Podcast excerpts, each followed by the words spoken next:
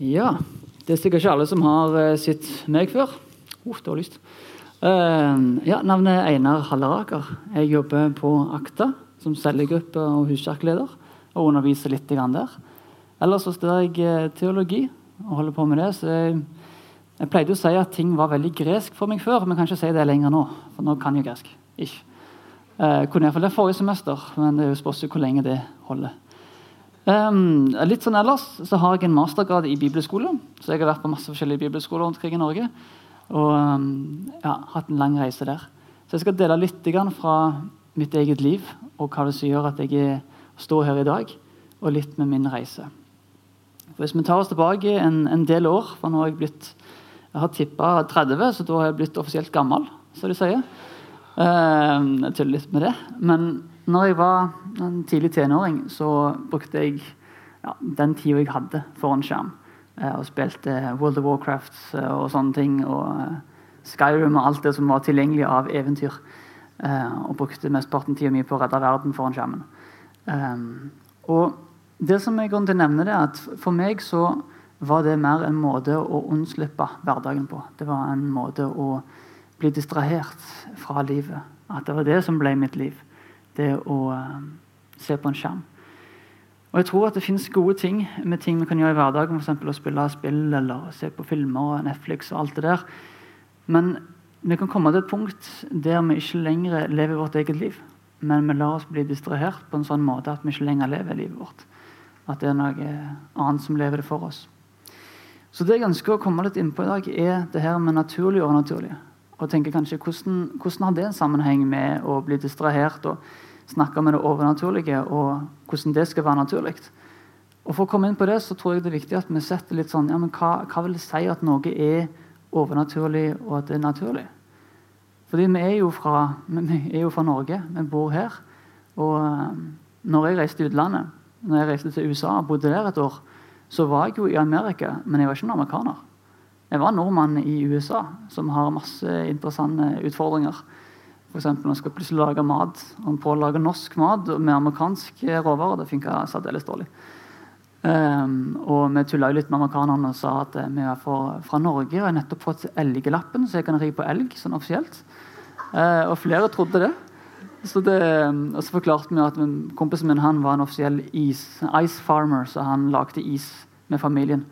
Eh, og shippa den til USA. Så det er den de har i colaen sin. det er isen fra hans gård. Og de bare wow! For de har jo sett Frozen, de har sett denne folka som sager isen. Så det, den kjøpte de. Så vi hadde det veldig morsomt. Uh, og en annen kompis på skolen som jeg gikk på der, han spurte meg på engelsk da, How do I tell this girl she's pretty? Og jeg sa You say Norwegian Jeg elsker deg. Og han bare All right. Så jeg, han gikk bort og bare Jeg elsker deg. Hun bare, Åh! Så så du sikkert skjønner, så er jeg skikkelig en sånn uh, anstendig kar som gjør ingenting feil. Uh, så jeg kan framstå litt sånn saklig og alt det der, men det er bare hekkene på en side. så vet vi sånn at yes, da har vi satt litt i stemning i rommet. Men grunnen til at jeg å gå inn på dette, her, det er jo at når jeg var i USA, så var jeg nordmann. Uh, det hadde norsk pass, og det er der jeg var, men jeg var ikke derfra. Og det er den, den spenningen vi lever i her òg. Vi er her i verden, men det er ikke der vi kommer fra, sier Bibelen. Vi kommer fra Guds rike, så vi har Guds rike-passet. Men det, sånn, det, blir litt svart og litt svevt når du ikke holder det fysiske i hånda. Når du ikke holder det i hånda. He? Det er blitt mitt pass, denne boka her. Fordi i dette her så står alt om hvordan vi skal forholde oss til et rike som vi eksisterer fra. Det står om hvem vi er, hva rettigheter vi har som tilhører Guds rike. Det er mange ting her som beskrives som dette er normalen, dette er det naturlige. Når vi kommer til verden, så er det plutselig rart. Eh, og Det var en offiser som spurte meg, for jeg har vært litt i militæret. og Han, han var selv en offiser og advokat og hadde millioner på konto og kjørte rundt med James Bond-bil. og var hvis James Bond-forfatter i tillegg, så han hadde penger. liksom. Skikkelig sånn, Litt høy på pærekar. Eh, fordi han sa at eh, du unge Halleraker, du er jo en akademiker slik som meg. Eh, du er ikke slik som de andre. For Han mente det var de andre og akademikere av verden. Det var ikke noe sånn mellomting. Det var de ulærde og de lærde. Så jeg var OK. Jeg vet ikke om jeg er helt enig med den, men ok, la oss bare se hva du vil fram til. Og så sier han men du har vært på universitet, du har studert, men du er kristen. Hvordan har det seg? For Han skjønte det at denne boka sier mye som ikke gir mening i vår verden, men gir mening for oss. kanskje. Så han spurte helt oppriktig hvordan kan du tro på dette evangeliet og ha studert. Hvordan kan du gjøre begge deler? Det er ikke sånn at Når du har studert, så skjønner du at det greiene der ikke stemmer. Og så skjønner jeg at Han har kun erfart denne boka som en religion. Han har ikke opplevd relasjon med Jesus. Fordi det er i relasjon med Jesus at det overnaturlige blir naturlig. Ikke religion. I religionen så er det ikke mye overnaturlig å oppleve. helt ærlig. Du kan lese denne boka inn og ut og leve i han, men ikke nødvendigvis kjenne Jesus. Du kan være en tilhenger av religion. Du kan være på alle møter og synge lovsang, men ikke kjenne Jesus.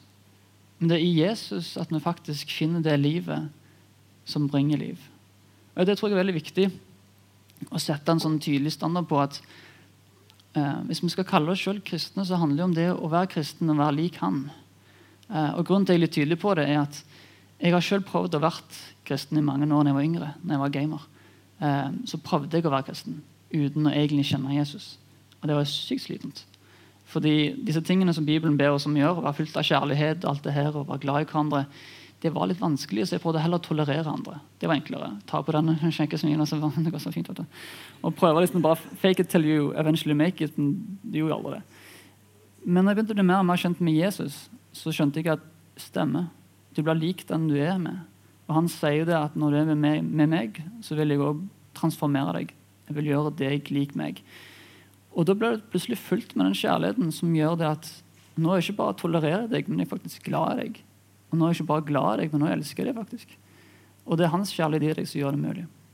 Og jeg tror det er veldig viktig at uh, vi ikke glemmer hva det handler om, denne troa vår, dette passet, denne, dette overnaturlige, naturlige. At det gir kun mening hvis vi har Jesus som vår personlige frelser, venn og konge. Uh, for Hvis vi kun prøver å følge det som står i denne boka uten å kjenne han, så skal du slite litt. Jeg har vært der sjøl i flere år, og det er slitsomt. Fordi det står mye i denne boka som du skal gjøre, som er umulig uten han. Det er sykt vanskelig å elske de som hater deg, hvis du ikke har den kjærligheten som han gir deg. Så det er en sånn, forhåpentligvis et budskap til frihet til dere. til at Jo mer du kjenner Jesus, jo mer hans kjærlighet får transformere deg, jo mer gir dette mening fordi du har en kraft i deg som mer og mer gjør deg i stand til å gjøre alle disse tingene det er når du får, får oppleve mer av disse her tegn og under, mirakler, nydelige tingene, som gjør at de gir mening. Så når, dette, når han offiseren spurte i bilen på vei hjem fra en øvelse hvorfor er du kristen, så tenkte jeg to sekunder. Han har hørt historien om Jesus. Han har hørt historien om Gud. Han, han kjenner dette her veldig greit. Det hadde han forklart. Og da måtte jeg jo fortelle han mitt vitnesbyrd. For jeg tror at det vitnesbyrdet dere har om Jesus i deres liv, er det sterkeste vitnesbyrdet dere har til å gi til folk. Og Da sa jeg til han at nei, grunnen til at jeg er kristen, er fordi jeg har fått lov til å se evangeliet i praksis. Jeg har fått lov til å se at Gud er en far for meg og far for andre. Der livet har vært utfordrende og stormfullt, så har Gud stått fram som far. Der jeg har sett folk blitt syke, så har jeg sett helbredelser. Jeg har fått lov til å se en ungdom som kom liksom inn på møte haltende og ble leid av to kompiser, for han klarte ikke å stå på foten. Og vi la hånda på han under her og kjente hvordan musklene begynte å bevege seg inni foten. Og så plutselig så jeg bare plopp, så gikk han ut, og så han bare hva er det som skjer? Og gutten sprang jo og hoppet og var helt gal. Og vennene liksom bare «Øh, Hva gjør vi med dette her? Det hadde liksom ikke et system til å plassere det inn i. Og den andre forberedte òg bare sånn Han ble helbredet. Så jeg bare Ja, derfor ber vi. det, det der, det der tro kom inn, liksom. Det, men det er ikke vi som gjør det, det er han som gjør det gjennom oss. Eh, og det er det som er så fint. Vi slipper å prestere. Vi skal få, bare få lov til å bli fulgt av noe og gjøre det. Og da blir plutselig det overnaturlige helt naturlig. Så vi slipper å prestere fram, og det er en nydelig kontekst å ha. Det jeg skal fortelle er et veldig spesifikt eksempel. Um, og Nå håper jeg at noen tar tid, for jeg har glemt det helt ut. Litt sånn type. Så tekniker kan dere gi meg sånn liten lyd når det er sånn fem minutter igjen. Så vet jeg ikke hvor mye tid jeg har. Ikke? Ja, nydelig. Um, det som var at når, For ca. seks år siden så skulle jeg reise til USA og gå i Bethel Church på skole der. Hvor mange av dere kjenner til BSSM, eller Bethel School of Supernatural Ministry? Cirka noen.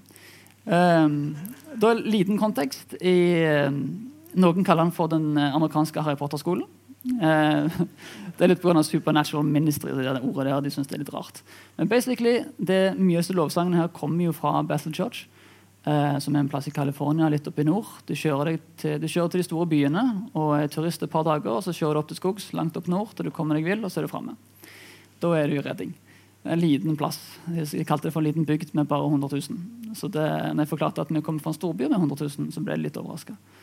Eh, så det er litt annet konsept der borte. da. Men poenget var at jeg kom der til, og jeg var klar for et eventyr. Jeg var klar for å begynne på troslivet og virkelig få lov til å se Gud, hva har du for mitt liv?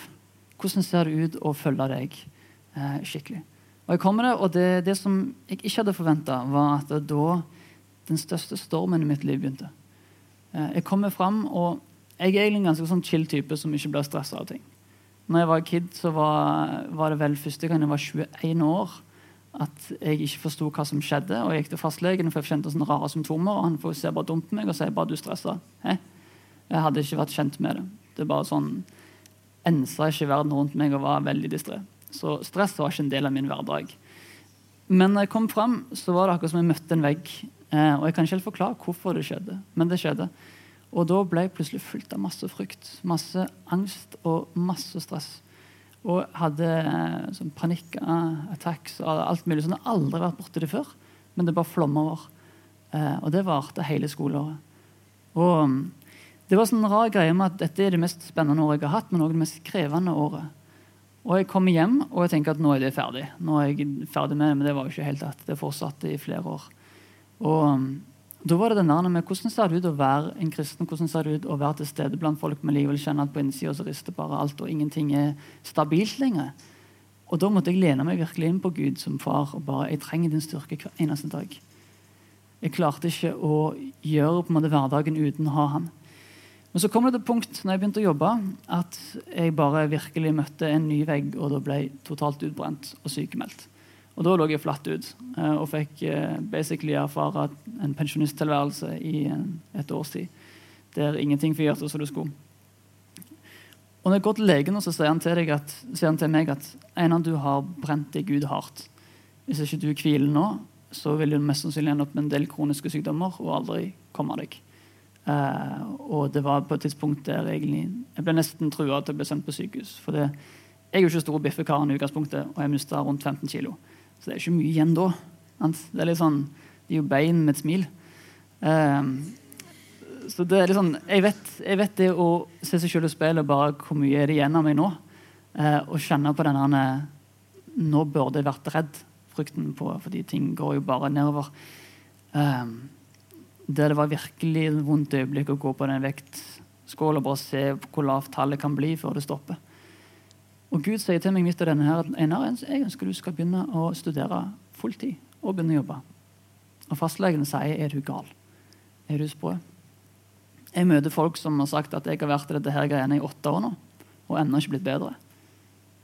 Og jeg står der. ok, Gud inviterer meg til å gå. Gud inviterer meg til å tre ut av båten som er trygg i stormen. Men jeg har en følelse på at denne stormen som jeg var i, og den båten jeg følte jeg var i, som stadig begynte å lekke mer og mer vann, jeg tror helt ærlig den hadde sunket etter hvert. Hadde jeg ikke våget å gått ut av den. Fordi det er noe med det overnaturlige naturlige med at når Gud er med, så kan det være at han gir oss utfordrende ord på å gjøre noe som ikke gir mening. Men i Guds rike gir det mening. Det er bare å lese en god bok her, så vil du se historier gang etter gang etter gang der disiplene gjør noe. De bare 'Hvorfor i all dag gjør vi dette her, Jesus?' Og Jesus bare gjør det. Bare gjør det. Så går det en, et halvt kapittel, og så bare 'Wow, der skjedde et mirakel'. Det er sjelden det er logisk. Det er liksom Disiplene samles flere tusen folk. Ja, vi har et par fisker et par brød. Ja, det holder plenty, det. De bare, Hei, Hvordan skal det holde? Men Jesus nei, det her går fint. Han ser bare ting annerledes. Så når vi møter utfordrende situasjoner, så er det fint det å høre hva selvfølgelig leger har å si. Det er fint å høre hva venner har å si. Det er fint med erfaring. Men la Gud være den som gir det første og det siste ordet inn i situasjonen.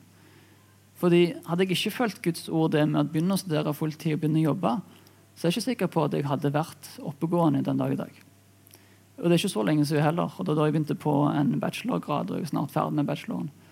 Eh, og det har bare gått opp siden. Og det har bare økt med ting å gjøre med jobb og studie og alt mulig. Og Det har ikke vært har ikke gitt mening menneskelig sett at det skulle bli bedre. Så det er noe med å våge det overnaturlige. Å våge når Gud gir deg et ord, til å gjøre det som ikke gir mening. Um, og det kom inn til hvordan, hvordan hører en Gud inn i det? Hvordan catcher en hva Gud sier i stormen? For det, det, er litt vanskelig av og til når alt stormer rundt deg, å være stille lenge nok til Gud. Hva sier du? For da, spesielt når ting er utfordrende, når det er mye som skjer på en gang, og en kjenner bare at en egentlig har nok med å bare eksistere, så er det vanskelig å catche Gud, hva gjør du? Og det jeg har lært av den reisen som jeg var gjennom, var at hvis jeg bruker mesteparten av tiden min å se f.eks. på Netflix eh, og eh, spille spill, så er det veldig vanskelig å høre hva er det Gud sier inn i en situasjon.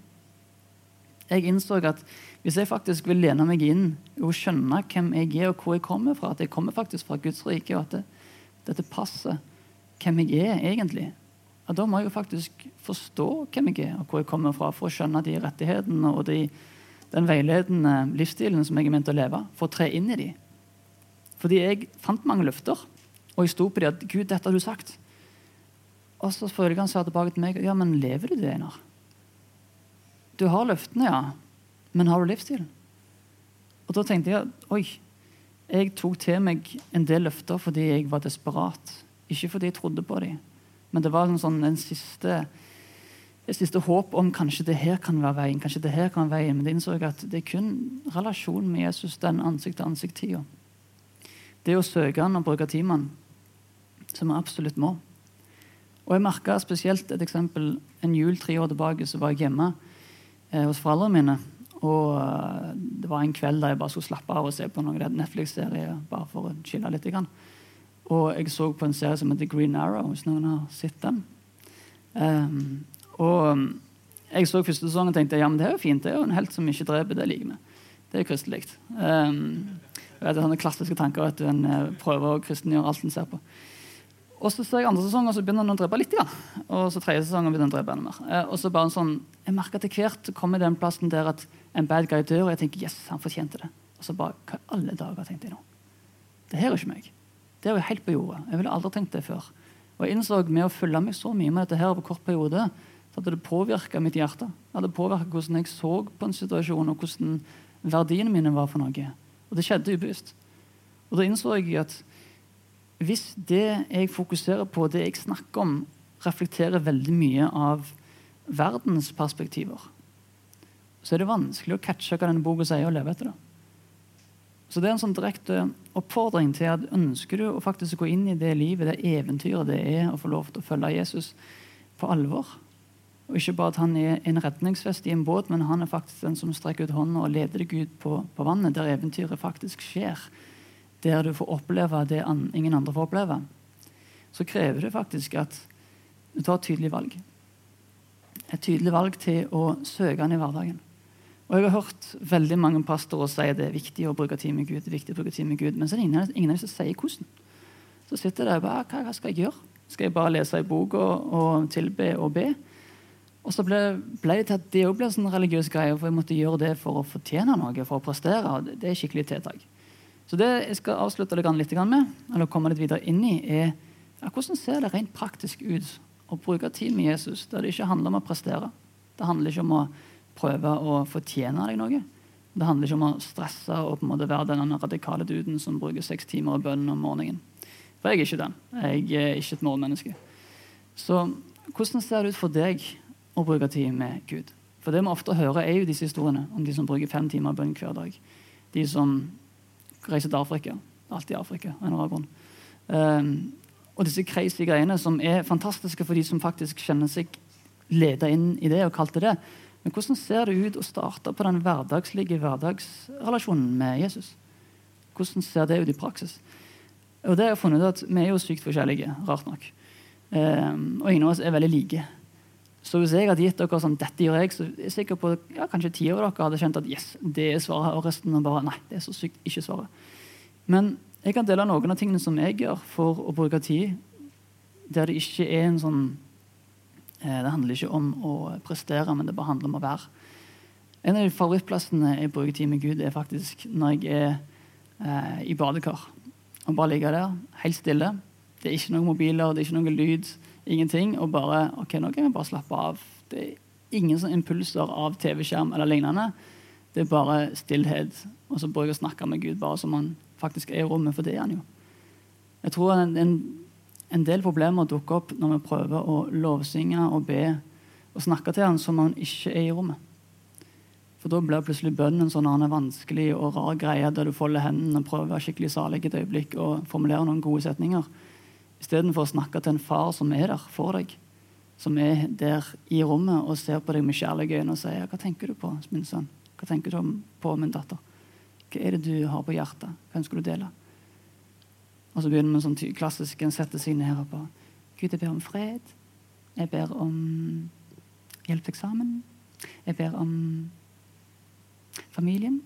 Og så ble det en sånn bare liste istedenfor at Gud, i dag var det skikkelig kjipt. I dag kjente jeg at det var utfordrende på skolen. Det var en spesielt i klassen som bare var skikkelig plagsom. Hjelp meg, Jesus, til å være god. Til å demonstrere kjærlighet inni det, for jeg sliter i det. Og Vær ærlig med han i bønn. Snakk med han som han faktisk er i rommet, for det. Så Det er et tips til bønn å bare kaste vekk hele den religiøse greia og gjøre det en relasjon. For det er det det handler om. Og det er så mye enklere å be til en som faktisk eksisterer, enn til en vegg med masse sånn listepunkter. Det blir fryktelig fort upersonlig. Og det å lese Bibelen altså, Når du kommer over en tekst for eksempel, så står at 'dette skal du gjøre', og så vil dette til det skje, det er å bare stoppe opp og si 'Gud, jeg skjønner ikke dette her. Kan du hjelpe meg til å forstå det bedre?' Eller begynne å be 'Gud, jeg vil at dette skal være en del av livet mitt'. Hjelp meg til å la dette her være en del av livet mitt. Det har du bibellesing og bønn i praksis. En annen ting er at jeg elsker å gå turer ute i skogen og i naturen. For det er bare en nydelig måte å avkoble på. Det er bare småpreike med enten i tanker eller i ord. Folk snakker jo så mye med handsfree-telefoner uansett at det legger ikke noen eh, forskjell på det. Men det å ta Jesus inn i hverdagen din, ikke prøve å separere han som en egen greie, men gjøre han en del av hverdagen deres. Når dere lager mat eller gjør lekser, eller hva enn det er, det å ha den smådialogen gående, det er bønn. Det å faktisk ta han med inn i alt du kjenner på av problemer og ting og utfordringer og gleder, det er å involvere disippellivet. Så ikke la han være en sånn siste på en måte, siste nødsutvei når alt annet har feila. Um, la han få lov til å være til stede i alt som skjer fra begynnelsen av. La det være en sånn greie som følger dere. Jeg vet ikke hvor mye tid, hvordan det ligger an der. Skulle egentlig hatt ei klokke her, men har dere tida der borte? Ja, når begynte jeg? ja. Ja, nydelig. Det, det er så mange ting som jeg, jeg tror er viktig å touche borti, men så har jeg en litt tendens til å komme i en sånn pastormodus som gutta i huset kaller det for, at jeg bare jabber til klokka på ett. Så jeg skal ikke utsette dere for. Um, for jeg tror det er så utrolig mye som vi kan gå inn i og være en del av.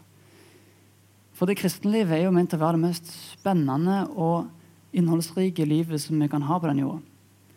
Men i flere år så opplevde jeg det livet for min del å være vanskelig, kjedelig og krevende.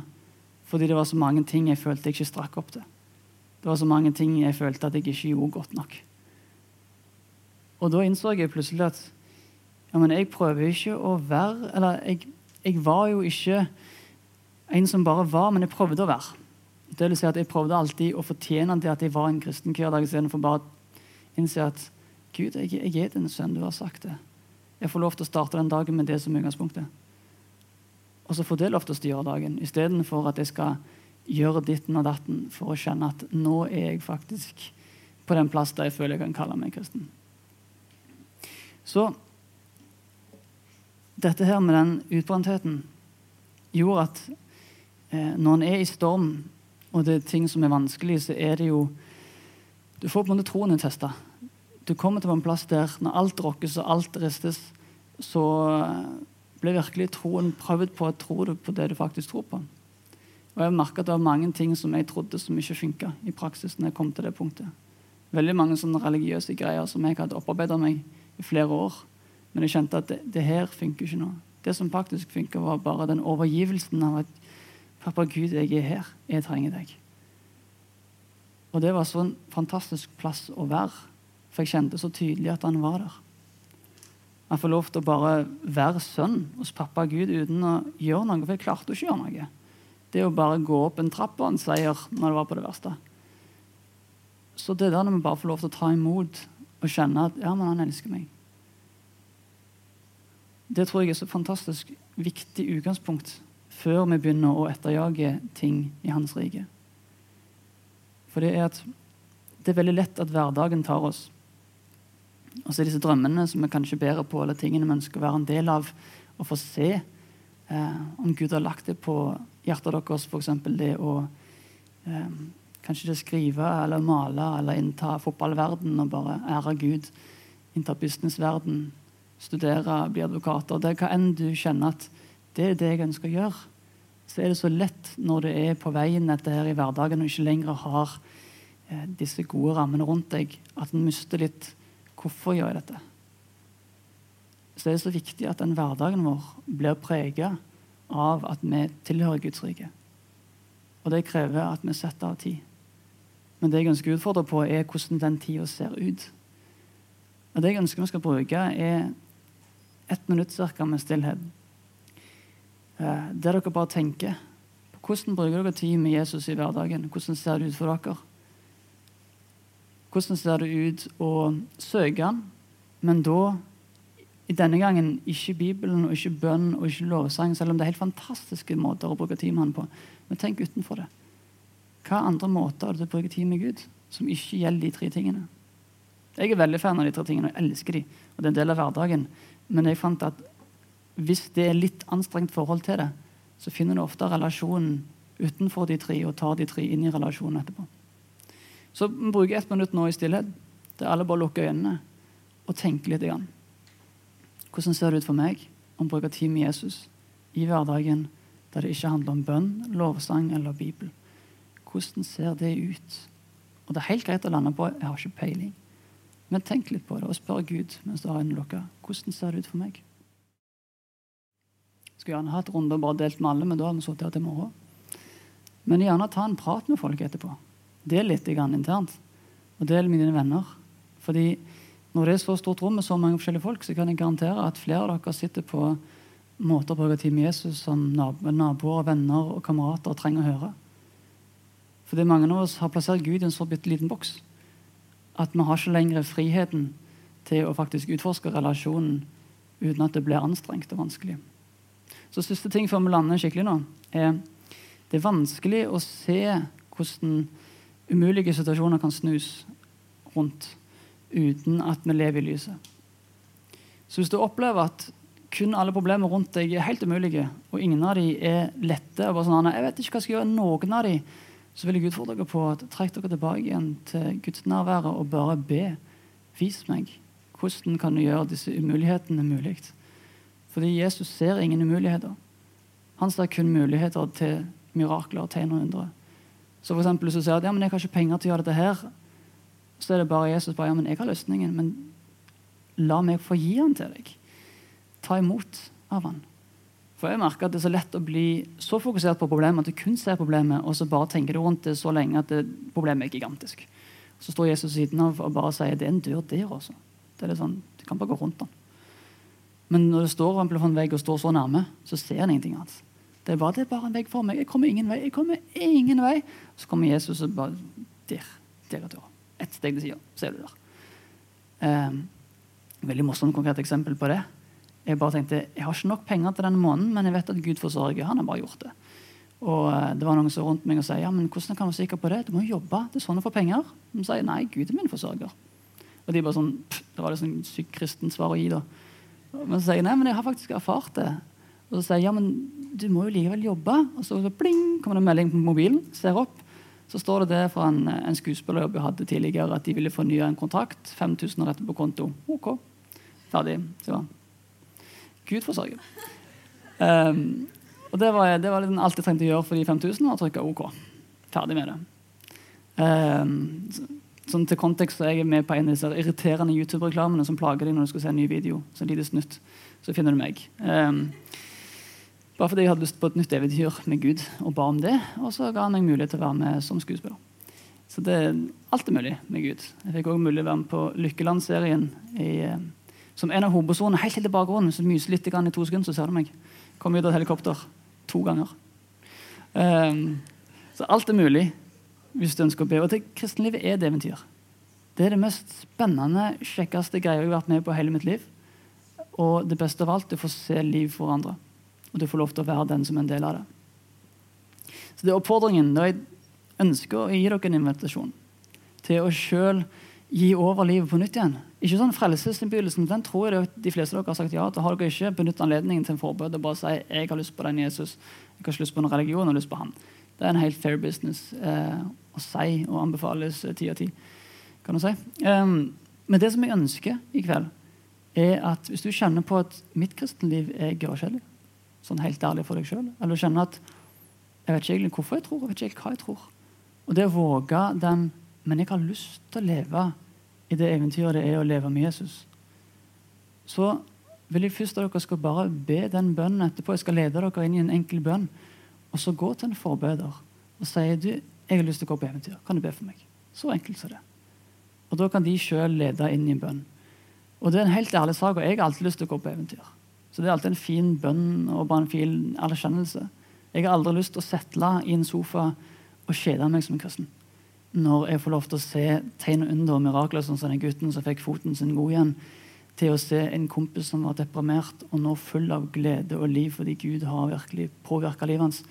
Til å se alle disse tingene skje i folks liv og se evangeliet den boka der i praksis å kjenne pappa Gud, det er det mest givende som finnes på den jorda. Og Det er så mye enklere å dele vitnesbyrd med folk som ikke tror, når du sjøl er begeistra på det du tror. Sykt kjipt å dele en tro du ikke sjøl er begeistra for. Da blir det sånn selger.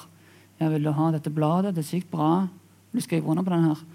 Så når det er i byen for eksempel, møter selgeren, så er det bare hvordan skal jeg unngå det? Ikke bare sånn, Springer vekk.